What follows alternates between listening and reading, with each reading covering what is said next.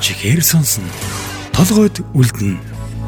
Танд хэрэгтэйг бид мэдээлнэ. Игэл радио 91.1 Игэл радио 91.1 Игэл цэгийн сайтын онцлог нийтлэлээс хүргэж байна. Журмыг журмлах шаардлага.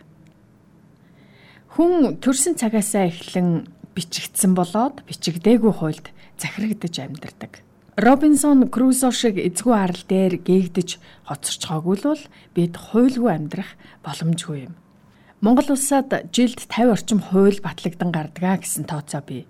Шил шилээ даран батлагдж байгаа эдгээр хуулиуд заасан хугацаанд мөрдөгдөөд эхэлдэг гэвэл өрөөсгөл. Учир нь хууль батлагдах болгонд хэд хэдэн журам шинээр батлах шаардлага үүсдэг харамсалтай нь журмыг хуйлтайгаа зэрэг батлаад бэлэн болгочдгүйгээс болж хууль хэрэгжидгүй байдал хавтгаарч байна. Энэ удаа батлагдж байгаа хуулийн чанар, орц, найрлагын тухай бус хуулиас илүү мэдлэлтэй журмын талаар хөндөё. Ердөө хэдэн сарын өмнө уурхаачид төв талбайд чагссан.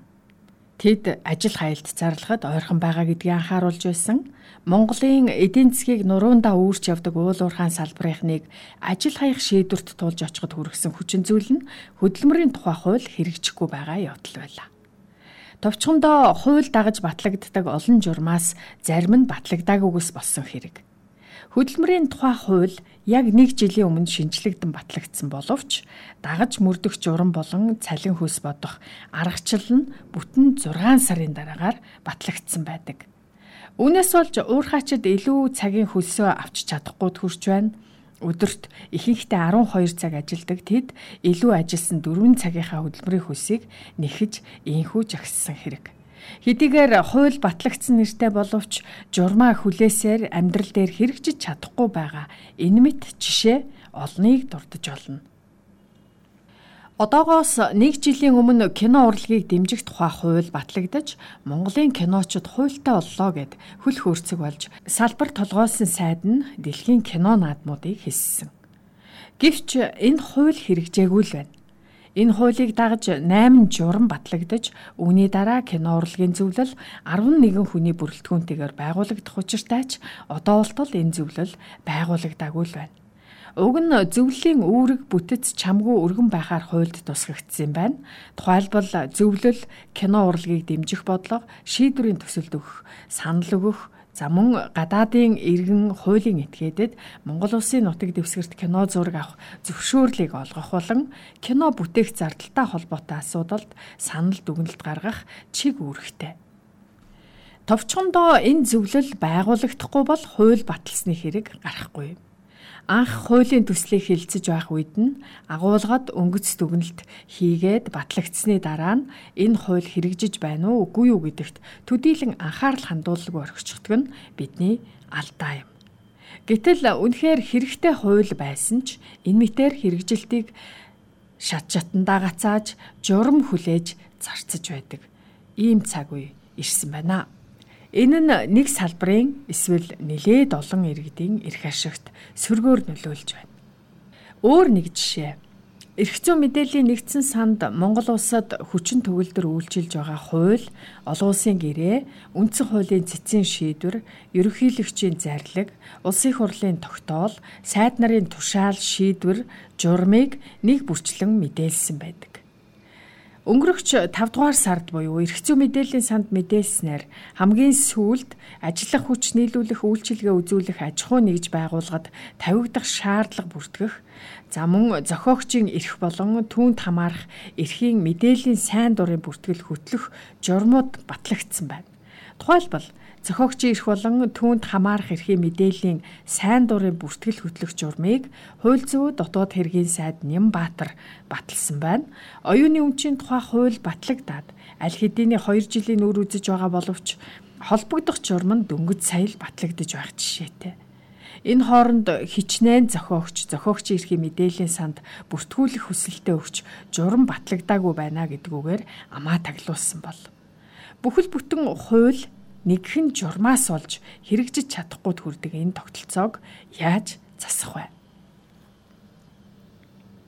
Өнгөрсөн хавар төсөвт байгууллага газрын тос уул уурхаан чиглэлээс бусад аж ахуйн нэгжийн ажилтнанд төлдөг нийгмийн даатгалын шимтгэлийн 50%-ийг он дуустал буцаан олгох шийдвэрт засгийн газар хүрсэн. Энэ тухай сангийн сайд жавхлан мэдээлэхдээ нийгмийн даатгалын буцаан олголт төсвийн тодотгол өргөн баригдсны дараагаар тодотгол батлагдмагц буюу 5 дугаар сараас эхэлнэ гэж байсан боловч 7 дугаар сар хаяанд ирчгээд байсан тэр үед олгож эхлээгүй л байсан. Үүний шалтгаан нь өнөөхөл журам. Нийгмийн даатгалын шимтгэлийг буцаан олгох журам хараахан батлагдаагүй байгаа учраас энэ шийдвэр хэрэгжиж эхлэегүй байгаа юм. Энэ мэтэр журмаа хүлээгээд царцчихсан хууль тогтоомжуудыг дурдууд байвал дуусахгүй.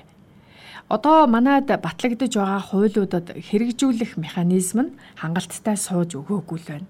Тийм учраас дутууга нөхөхийн тулд сайд дарга нар журам баталж хуульд наривчлан тусгаагүй зүйлсийг илүү тодорхой болгох үүрэг хүлээж байгаа. Ингээд журам яаж гарахаас тухайн хуулийн өнгө тодорхойлогдох бөгөөд хэрэгжих хэсэг нь ч шалтгаалж байгаа олон жишээг дээр дурдлаа дагалдах журмууд батлагдахгүй хугацаа алдаж хууль хүчин төгөлдөр мөрдөгдөхгүй байна гэдэг энэ шатыг алгасаж за бүгдийг нь хуульдаа багтаан тусгаад нэгмөр батлана гэвэл бас л өрөөсгөл ойлголт. Хүний амьдрал баян учраас ядаж үг үсэг өгүүлбэрийг өөрчлөх, засах, хасах, нэмэх шаардлага тулгарлаа гэхэд хуульд нэмэлт өөрчлөлт оруулснаас журамд засвар хийсэн арай хэлбэр юм. Тэглээгээд энэ янзаараа журмаа хүлээгээд хэрэгжилтэд удаашруулад байж болмооргүй л байна. Цаг хугацаа хөрөнгө мөнгө өрн байж олон шат дамжлагаар дамжин батлагдсан хууль ингээд үнгүүтчээд байвал хайран. Хууль нь батлагдаад 2 жил болсны дараа дагалдах журманд батлагдах тохиолдол байгаа нь зүйд нийцэж байна уу? Бодхол асуудал. Тиймээс үүнийг өөрчлөх хэрэгцээ байна. Ингэхдээ хуулийн дагалдах журмуудыг батлах хугацааг нарийн тогтоож өгөх шаардлагатай юм. Энэ тухай хууль тогтоомжийн тухай хууль Монгол улсын засгийн газрын тухай хуулиудад наривчлан тусгаж ямар төрлийн журмыг хэн гээж албан тушаалтан хэдий хугацаанд бэлэн болгож батлах вэ гэдгийг тодорхой болгох хэрэгтэй байна. Хууль батлагдахтай зэрэгцээд холбогдох журмууд бэлэн болчвол хууль мөрдөгдөж эхэлсэн цагаасаа л хүчин төгөлдөр үйлчилж нийгэмд үүргээ жинхэнэ утгаараа гүйцэтгэж чадах юм аа.